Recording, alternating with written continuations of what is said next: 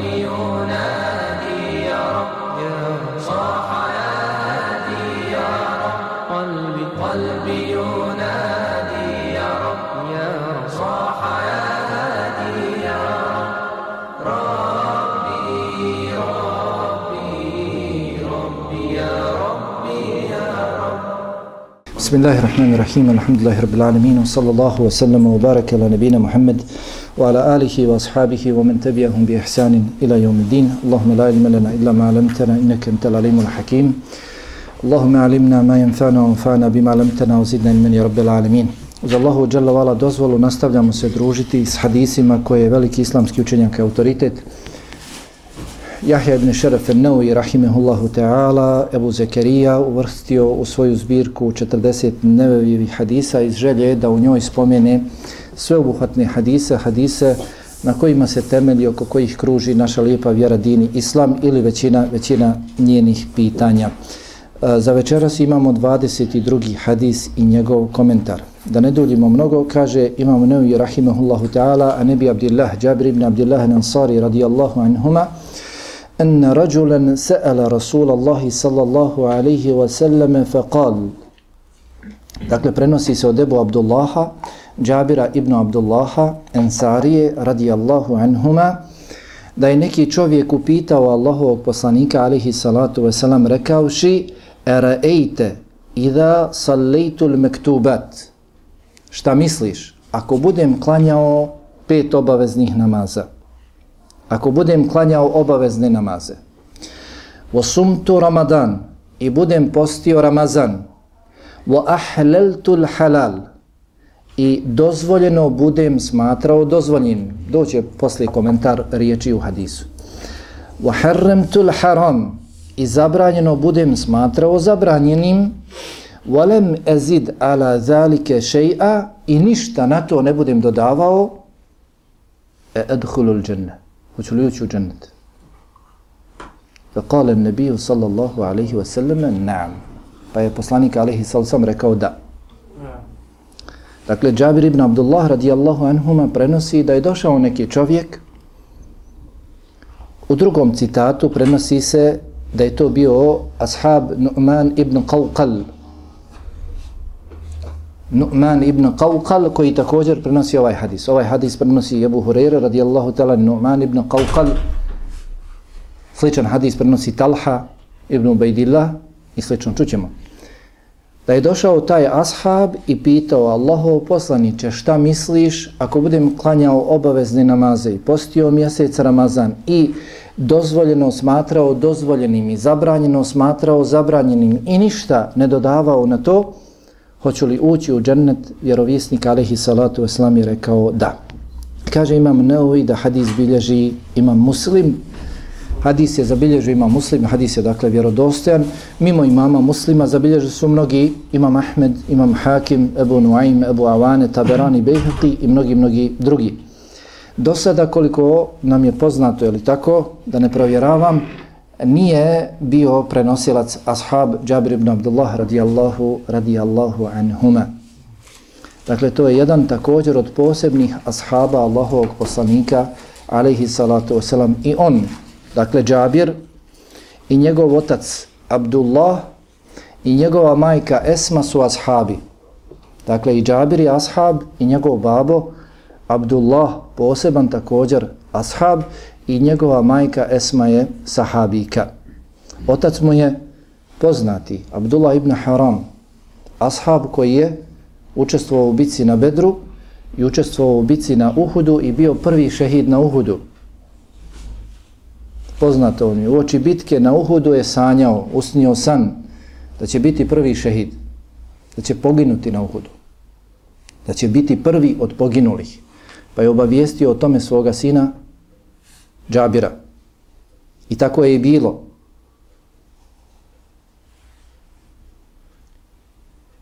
Pa kada su ga pronašli na bojnom polju, plakao je Džabir. Pronašao ga i plakao. Ona urođena ljubav, sinovska ljubav. Pa su mu svi zabranjivali da plače, poslanika Alihi Salavca mu nije zabranjivao, rekao je, pustite ga. Da bi mu nakon toga rekao, o Džabire, svejedno da li ti plakao ili ne plakao, doista je Allah dželle s njim razgovarao bez posrednika. Allah subhanahu wa ta'ala je sa tvojim babom razgovarao bez posrednika i bez pregrade. Pa je rekao, reci, šta želiš čime da te počastim, da te nagradim. Pa je rekao, želim da me vratiš na Dunjavuk. Da se ponovo borim i da budem ubijen i da me ponovo vratiš, da se borim i da budem ubijen, da se borim i da budem ubijen. Kaže Jalla kako je došlo u prošlom hadisu koji je bio prisutan, govorio sam taj dodatak kod imama Buharije, ja sam zapisao, odredio da ko umre više se ne vraća na dunjalog. Pa je rekao Džabir radijallahu talan, onda obav, e, rekao je Abdullah ibn Haram, onda obavijesti one koji su ostali za nas šta ih čekaju, ako na ovakav način skončaju svoj život. Abdullah ibn Haram i Abdullah ibn Haram, dakle babomu i Džabir učestvovali su na Akabi, dali su prisegu Allahovom poslaniku alaihi salatu veselam na prvoj i drugoj akabi, dakle bio je i Džabir, i pojedini kažu da je tada na drugoj akabi Džabir bio od najmlađih, iako se spominje za druge ashabe, da su oni bili najmlađi od prisutnih. Poznato je na prvoj akabi je bilo 12 ensari, ali tako na drugoj akabi je bilo 70, 70 ashaba, Medinjana. Nakon smrti pogibije babe, dakle na Bedru i na Uhudu, Džabir nije učestvovao u bitkama, jer je imao sa sobom se stara mnogo. U jednom rivajtu stoji sedam, u drugom rivajtu devet. Pa ga je babo ostavljao, nije mu dozvoljavao da učestvuje u bitkama, da se bori, već ga je ostavljao sa kćerima, sa njegovim sestrama da čuva. Nakon što je babo preselio, Džabir radijallahu talan se oženio. Oženio se S kim? Davicom. Ovo mladina, ovaj hadis najbolje zna. Ha? Kažu, e, ovdje u hadisu stoji da treba djevojku žen, nemoj nam govoriti udavanu. Ha? Pa poslanik sallallahu alaihi wasallam primijetio je na džabiru, jeli tragove, trag žene. Kaže, jesi li se to ženio? Džabir, kaže, jesam. Koga si oženio, da li djevojku ili jeli, kaže se bikr i thejib. Bikr je uh, djevojka, thejib već udavana. Pa kaže thejib, kaže zašto nisi oženio djevojku pa da se igraš s njom i ona s tobom, da se zabavljaš s njom i ona s tobom, pa kaže Allaho poslaniće ti dobro znaš koliko je babo ostavio kćeri iza sebe. Ako bi im doveo djevojku, doveo bi nekoga sličnog njima, onda bi imao još jednu na vratu više i o njoj se ja moram brinuti pa sam doveo već ženu koja je bila udavana i koja je imala djecu i zna je li sa djecom postupati. Nakon toga, dakle, Džabir radijallahu ta'ala je učestvovao u svim, u svim bitkama i bio je također od učenih ashaba. Bio je jedan od ashaba koji prenose mnogo hadise od Allahovog poslanika, alihi salatu wasalam. Pa se kaže u knjigama da je od Džabira prenešeno Allahovih uh, eh, hadisa Allahovog poslanika alihi salatu wasalam 1540. I spominje se da je imao u mesčidu Allahovog poslanika alihi salatu wasalam u Medini veliku halku mnogo ljudi koji su ga slušali i uzimali znanje, odnosno slušali hadise od njega. Umro je, preselio je 77. godine po hijđri, ili 78. 77. ili 78. u kažu 94. godini života. Dakle, živio mnogo. Ukopani u Medini. On nam prenosi ovaj hadis. I kaže da je došao čovjek, u ovom hadisu kaže neki čovjek. Kako rekao u drugom citatu stoji da je to bio Nu'man ibn Qawqal radijallahu ta'ala. On prenosi ovaj hadis. On, on je učesnik dakle ovog događaja. On je taj koji je pitao poslanika sallallahu alaihi wasallam. O vrijednosti i značaju ovog hadisa govorili su mnogi učenjaci. Međutim, uvijek kažem, sadržina hadisa najbolje nam govori o njegovoj važnosti i vrijednosti. Pitanje zahtjev, ono što je tražio ovaj ashab Nu'man i odgovor poslanika sallallahu alaihi ve sellem pogotovo. Ovo su pitali ashabi koji su bili daleko bolje vjere od nas. Daleko boljeg imana, jačeg od nas. A rijetki su danas koji pitaju i kažu kako do dženeta. Eto, pratite. Otvorite stranice gdje možete naći pitanja i odgovore. Zamolite nekog učenijeg da, da vam kaže kakva sva pitanja dobija. Rijetko će doći pitanje da čovjek kaže Allahu robe hoću u džennet. Reci šta da radim. Kratko, jasno. Takvih pitanja danas nema. Takvih pitanja danas nema. Ja pamtim možda za ovih deset godina da mi je jedan samo pitao i rekao da mi napravi plan i program od sabaha do jacije. Kako da učim vjeru. Jedan primjer, samo pamti. A da te neko uhvati za ruku i kaže ali pitanja drugih more, kakvi hoćeš. A ovo je dakle najbitnija stvar. Dolazi ashab i kaže, ako budem radio to, to, to, hoću li ući u džennet? Želja mi je džennet. Hoću da uđem u džennet i da se spasim džehennema. I to govori o važnosti ovog hadisa. Kako rekao, slični se hadisi prenose na ovu temu i doći ako Bog da 29. hadis gdje Moaz ibn Džebel radijallahu delan slično pita i kaže Allahov poslaniče obavijesti me o dijelu koje će me uvesti u džennet i udaljiti od džehennema. Ebu Hurere radijallahu talan također prenosi da je došao arabljanin čovjek koji živi u pustinji. Došao je vjerovjesniku alihi salatu wasalam i rekao Dulleni ala amelin iza amiltuhu da haltul dženne. Ukaži mi na dijelo Reci mi koje dijelo ako budem radio ući u džennet. Pa mu Allahu poslanik alihi salatu wasalam kaže obožavaj Allaha i nikoga mu ne smatraj ravnim, obavljaj propisani namaz, izdvajaj propisani zekat, posti mjesec Ramazan, kaže ovaj čovjek Beduin iz pustinje, tako mi onoga koji te poslao sa istinom, ništa na ovo neću dodati, niti ću bilo šta od ovoga oduzeti. Kaže, obožavaj Allaha i nikoga mu ne smatraj ravnim. Obavljaj propisane namaze, posti propisani post, izdvajaj propisani zekat, kaže, tako mi onoga Allaha dželavala koji te poslao sa istinom, ništa neću ni dodati, ni oduzeti.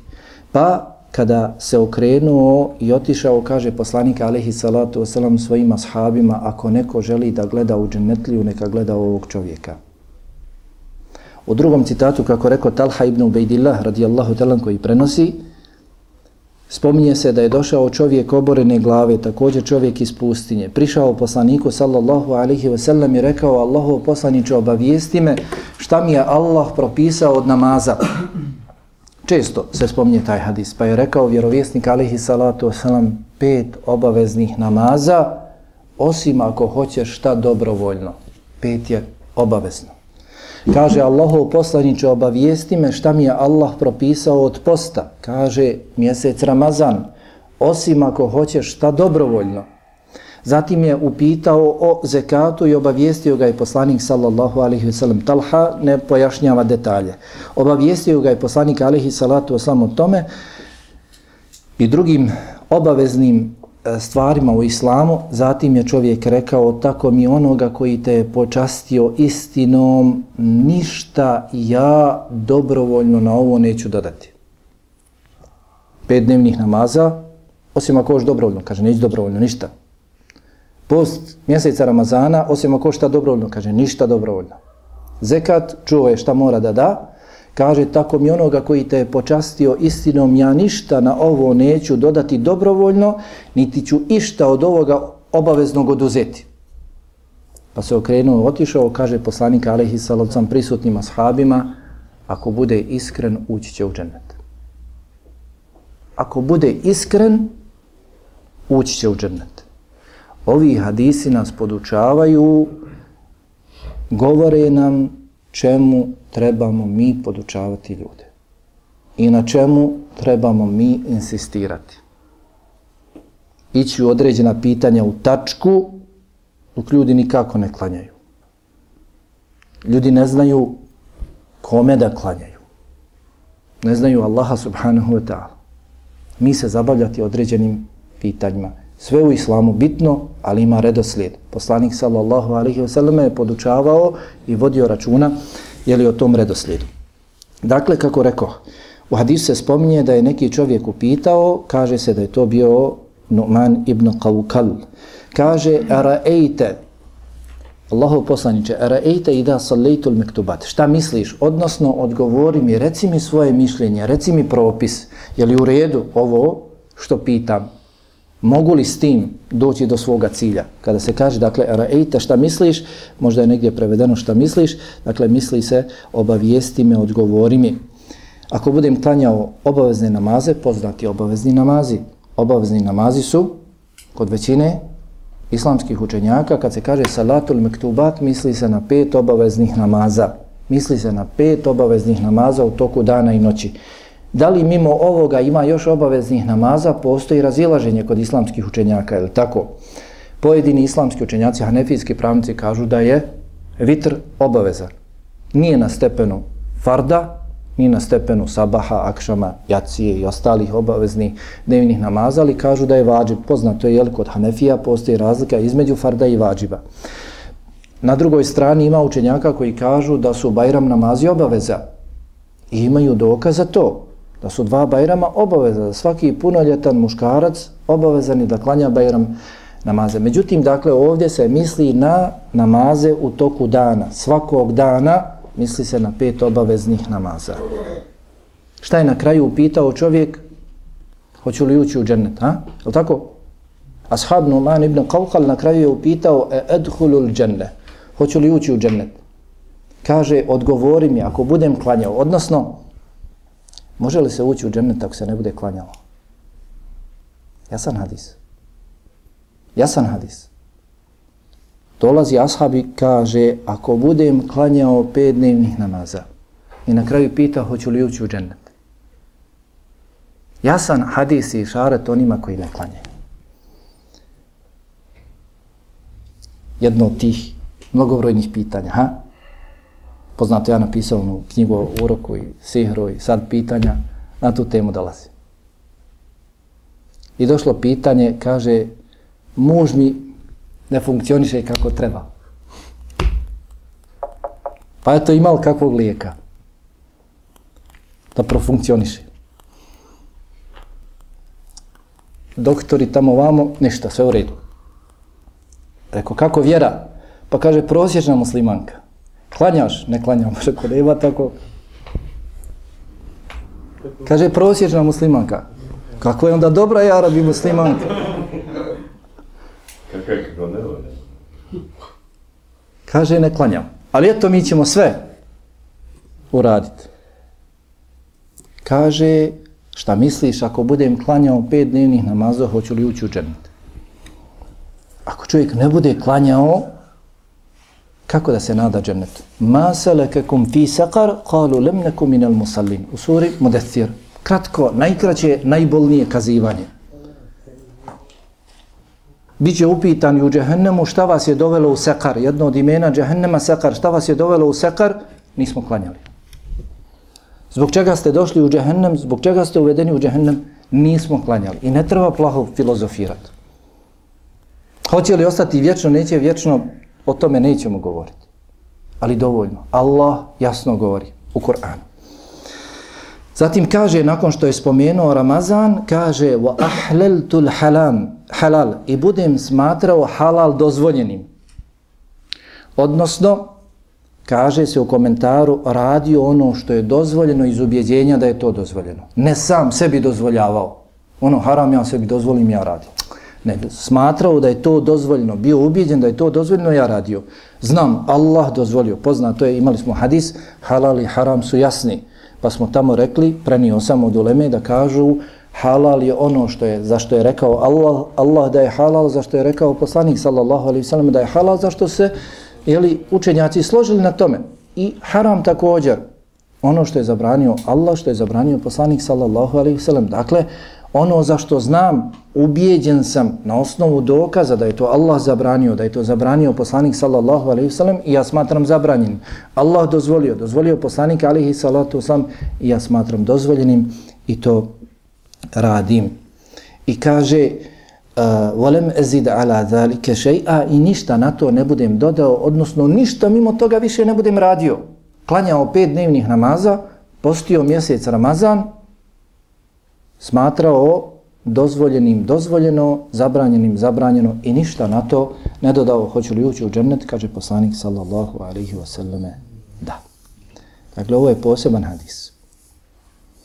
I također ovi hadisi koji sam još usput spomenuo, a koji govori otprilike o istom. Dakle, u njemu nalazi se za nas mnogo poruka i pouka. Prije svega, ashabi su se zanimali za džennet. I to im je bila najveća okupacija. Time su se najviše okupirali. Jer kad završi ovaj svijet, dođe pitanje ulaska u džennet i džehennem, onda je kraj, onda je gotovo. Možeš tada pitati koliko hoćeš i koga god hoćeš, ali je gotovo. Ali je gotovo nakon što se džehennemska vrata zadnji put zatvore i nakon što se džennetska vrata sva zatvore, gotovo je. Onda bi se ti okupirao, ne znam ti čime. Kako kažu učenjaci, govore, i to je poznato, govore na osnovu Kur'ana i Hadisa, kada bi se umrli, upitali šta žele, rekli bi samo dan ili dio dana da se vratimo, da radimo. Da radimo dijela koje vode do dženneta čovjek će već na svojoj samrti, pogotovo u kaburu, pogotovo na drugom svijetu vidjeti svoje stanje. U čemu je proveo svoj život. Ashabi su se okupirali džennetom i mi daleko smo preči da se okupiramo. Da pitamo kako do dženneta, šta da radimo, na čemu ustrajavamo, ako pokleknemo, mogu li se kako vratiti na tu džadu ponovo i slično. Jer kada se dođe do vrata, više nema povratka. Dakle, nisu pitali kako mnogo imati metka, kako imati mnogo djece, ovoga ili onoga, već dakle, kako doći do dženneta. I poznato nam je, jeli, da su imali e, naprotiv, je tako, poznato vam je pitanje, jednog od ashaba, koji je pomagao Allahom poslaniku, alihi salatu wasalam, da uzima abdest, bio tu uz poslanika sallallahu alaihi sallam često pa bi mu donosio vodu, posipao mu vodu dok bi on uzimao abdest i, abdest i svaki puta ga je poslanik sallallahu alaihi sallam pitao imaš kako potrebu. Ti se meni pomogao, mogu ja kako tebi da se odužim? I to je pravilo, braćo. To je pravilo. Gledajte da nikome ne ostanete dužni. Gledajte, ovo je jedno pravilo koje se nalazi u suri El-Leil. Pred kraj sure El-Leil jedno, jedna od koristi koja se može izvući. Gledaj da nikome ne ostaneš dužan, to je dokaz da sve što radiš, da radiš radi Allaha. Da nikome nisi ostao dužan, da je neko tebi učinio, pa da ti činiš radi njega nešto. Ne, gledaj da tvoja bude uvijek zadnja. Čovjek ti kaže amin, reci ti njemu amin. Allah te nagradio, reci Allah i tebe nagradio. Nek tvoja bude zadnja. Da ti niko ne bude dužan i da ti nikome ne budeš dužan. Da ono što radiš, radiš samo radi Allaha subhanahu wa ta'ala. Pa je rekao poslanik sallallahu alaihi sallam, imaš kakvu potrebu? Svaki puta ga je pitao, jedan put ga nije upitao. Pa kaže Rebija, a moja potreba? Prije ga pitao, nije ništa. Tražio. Sada ga nije upitao, kaže, a moja potreba? Kaže, koja je tvoja potreba? Kako imaš potrebu? Kaže, es'eluke murafakateke fil dženne molim te za tvoje društvo u džennetu. Pazite, ovaj kaže, hoću u džennet. Hoću li ući u džennet? Rabija kaže, neće ja bilo koji džennet. Pazi, ja hoću Firdevs Firdevsi, to ne opet u Firdevsu, tam negdje, nego s tobom. S tobom zajedno. Kaže, ništa drugo, ništa drugo, šta će mi drugo? To hoću. Kaže, onda pomozi moju dovu sa mnogobrojnim seđdama. Mnogo klanja i dobrovoljne, mnogo klanja i dobrovoljne namaze. Zatim vidimo dakle iz ovog hadisa da trebamo pitati kao što je ovaj ashab došao i upitao poslanika sallallahu alaihi ve sellem u to vrijeme najučenijeg, onoga koji je podučavao o vjeri i mi trebamo pitati učene ljude ona vjerska pitanja koja, koja ne poznajemo. Zatim vidimo iz ovoga hadisa da za izvršavanje obaveznih radnji ako Bog da dolazi nagrada, džennet. Ovdje se spominju obavezni namazi, obavezan post, ono što je dozvoljeno, dozvoljeno da se radi, ono što je zabranjeno da se toga kloni. Kažu, zašto poslanik sallallahu alaihi ve selleme ovdje nije spomenuo hađ, nije spomenuo zekat, hm? Nije mu rekao, e, a moraš još da daš zekat, e, a moraš da obaviš hađ. Kažu pojedini komentatori da je Allahov poslanik alihi salavcam najbolje, Allah najbolje zna, poznavao njegovo stanje. Pa nije bio od zekata, niti je bio od mogućnosti zbog toga i da ode na hađ. Ili kažu da je bio nov u islamu, pa ga nije htio opterećivati na filama, da kaže imaju i sunneti.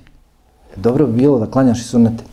Nije htio tim, pa čak nije htio ni hađom, ni zekatom. Jer onaj koji ustrajava, koji je iskren, ja kažem uvijek, kažem, idemo u tačku u nekim pitanjima, a možda se nismo podučili skrušenom obavljanju namaza. Počesto znamo se možda raspravljati oko nekih sunneta u namazu. Je li sunnet, nije sunnet, kako ovo, kako ono, kako se spustiti na seždu, kako se digni sa sežde, gdje vezati ruke i ostalo. A mnogi od nas znaju samo za početni tekbir i za selam. Allahu ekberi. Ode. Odluta. Kada ga pita šta je hođa učio sad na jaci, ono, ne pitam te zato što jesi li hafiz ili nisi hafiz, da li, pam, da li si zapamtio, znaš iz koje sure, nego je si uopšte bio u namazu. Odlutamo. A čovjeku se piše od namaza onoliko, onoliko koliko je bio prisutan u namazu.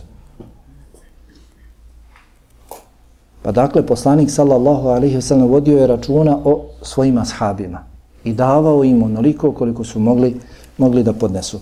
Iz ovog hadisa, dakle, vidimo da izvršavanje obaveznih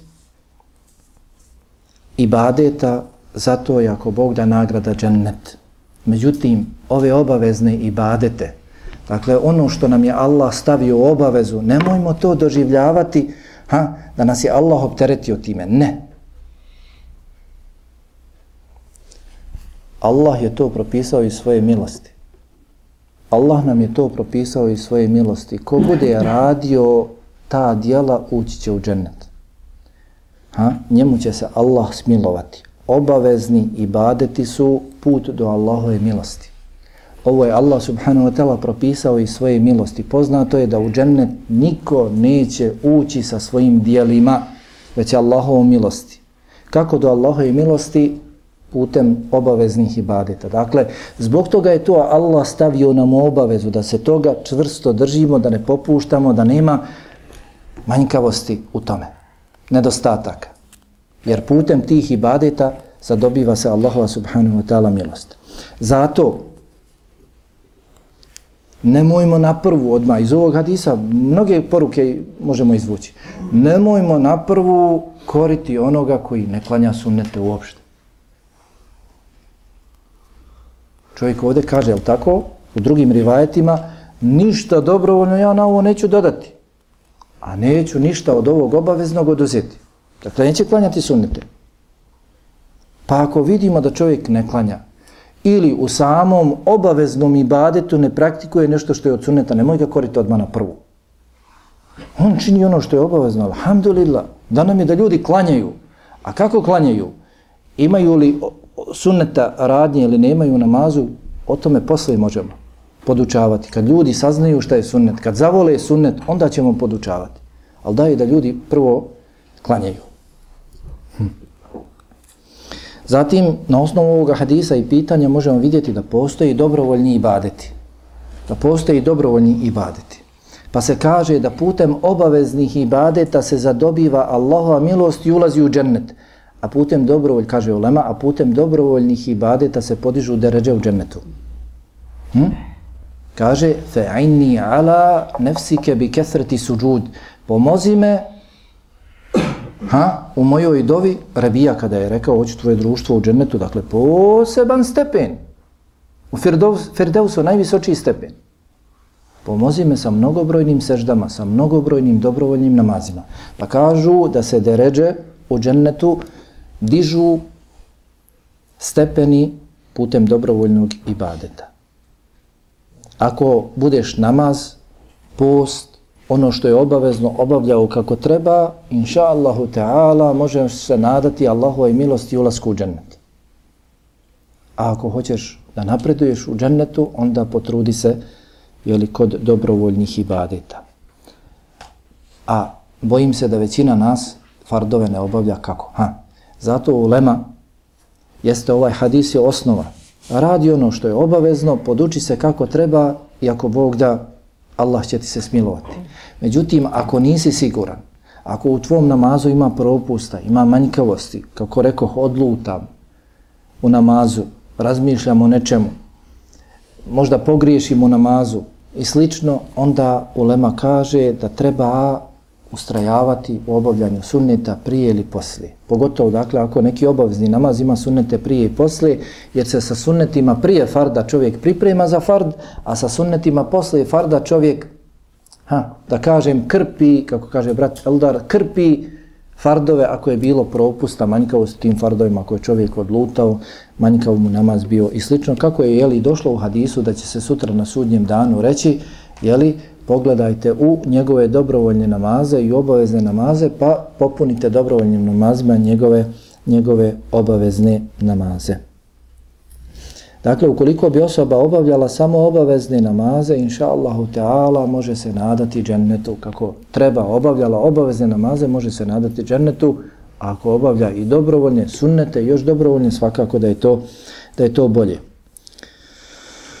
Kako rekao, ovdje nema kontradiktornosti između u hadise spomnje budem radio to, to, to, hoću li ući u džennet i hadisa, niko neće ući u džennet sa svojim dijelima. Reko, ova dijela je Allah propisao iz svoje milosti. Ova dijela je Allah propisao iz svoje milosti i sa ovim obaveznim dijelima postiže se Allahova milost i ulazi, i ulazi u džennet.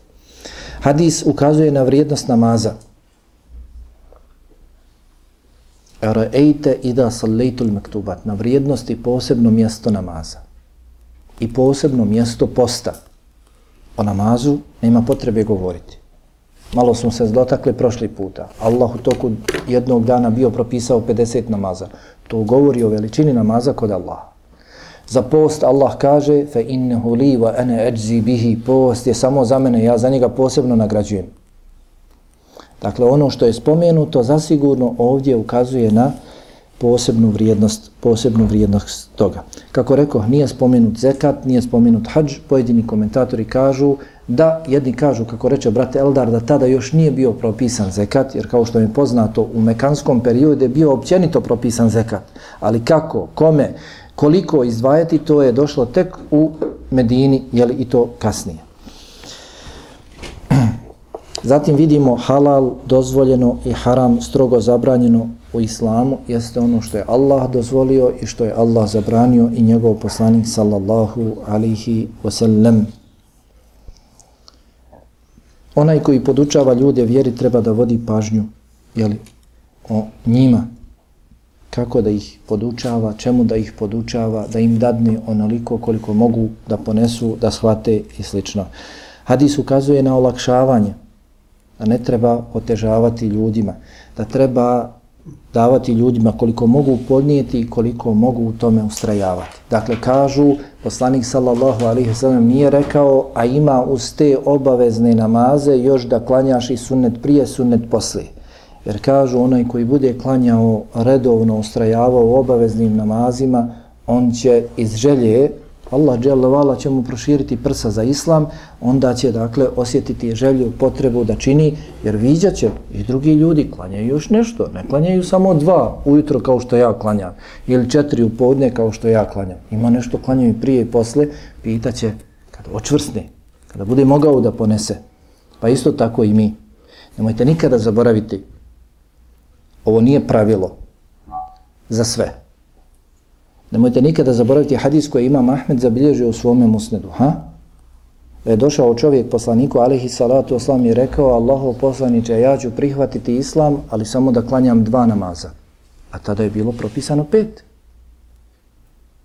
Ako ja mogu prihvatiti islam da klanjam dva namaza, ja ću prihvatiti. A poznato je što imam Ahmed zabilježi u svome musnedu da je to njegov stav. Hadise koje ima Ahmed bilježi u svome musnedu, to je njegovo mišljenje. Pa je poslanik sallallahu alaihi ve sellem prihvatio. Primio islam. Hajde. Upravo iz istog razloga kao i razloga koji se spominje ovdje. Ako bude on ustraju u ta dva, vidjet će i druge. Da klanjaju i druge namaze, pa će reći ima još nešto. A ako bi čovjek nabacao ima i ovo, i ovo, i ovo, i ovo, i ovo. Pitali smo jednog šeha koji je dolazio prošle godine u Bosnu, pa dobro, možemo li mi ljudima reći klanjaj samo dva? A, on kaže, možeš reći samo čovjeku uz kojeg si često svakodnevno. Ali da jedan put čovjeka vidiš, ne znam, negdje na autobuskoj stanici, negdje na aerodromu i čovjek te pita, eto vidim sinko da ti onaj E, imaš na sebi e, obilježja vjere, imaš znanja, da te pitam koliko ja mogu da klanjam namaza, da ti je obaveza, kažeš u islamu je propisano pet. Ali ona i pored koga si ti, možda babo, možda majka, brat, sestra, ha, recimo dva. Jedan, dva, ajde makar saba, ili šta ti je? Lahko, podne, kindija, nekad ljudima, oni koji ne, nama je, mi kažemo ljudi, pet namaza, izbroj koliko je to, nije 20 minuta, 25 minuta, pola sata, od 24 sata, pola sata, možeš da klanjaš. Ali oni to ne mogu da shvate. Pa da ih polahko navikavaš, ujutro ne mogu ustat, na večer su možda umorni, reci, ajde, ajde sa mnom, podne, i kindiju, ajde, Dakle, kaže samo tako možeš postupiti sa onim uz koga si ti često, čiji ćeš ti napredovanje, nazadovanje pratiti i jeli, usmjeravati ga dalje. Tako je rekao šeh Hasan Buhari. Dakle, iz ovoga hadisa vidimo jasno da trebamo prvenstveno graditi temelje naše vjere. Dakle, namaz, post, iz drugih hadisa smo vidjeli zekat, hađ, a kasnije na tim temeljima, ako mogu da ponesu, graditi, graditi i ostalo. I vidimo na kraju iz ovoga hadisa da su ashabi pitali za dijela koja da čine pa da uđu u džennet. Odnosno za dijela koja da čine pa da zadobiju Allahu milost. Što ukazuje na neispravnost mišljenja onih koji kažu da se Allah obožava samo radi Allaha. Da obožavaju Allaha samo iz ljubavi prema Allahu. Ne treba njima džennet, niti treba njima zašta od džehennema. Ha? Što je neispravno. Znate na koga mislim? Ha? Oni kažu mi obožavamo Allaha samo iz ljubavi prema Allahu. A ne, ne treba nama džennet, ne žudimo mi za džennet, niti mi strahujemo od džennema. Ne? Ashabi kažu, kaže Numan ibn Qawqal, hoću li ući u džennet? Kaže Muaz ibn Džebel, obavijesti me o dijelu koje će me uvesti u džennet, i udaljiti od džehennemske vatre. Tako dakle da je to ništavno mišljenje Allaha dželle vala obožavamo iz ljubavi, iz straha i nade. Iz ljubavi prema Allahu subhanahu wa ta'ala, iz straha od Allaha dželle vala kazne džehennema i nade u džennet. Ljubav svakako da prethodi svemu tome. Jeli? Dok smo na dunjalku moramo strahovati i od jednoga i od drugoga, a ljubav nastavlja i nakon prolaska Dunjaluka, jeli da postoji kada izađemo sutra pred Allaha dželavala.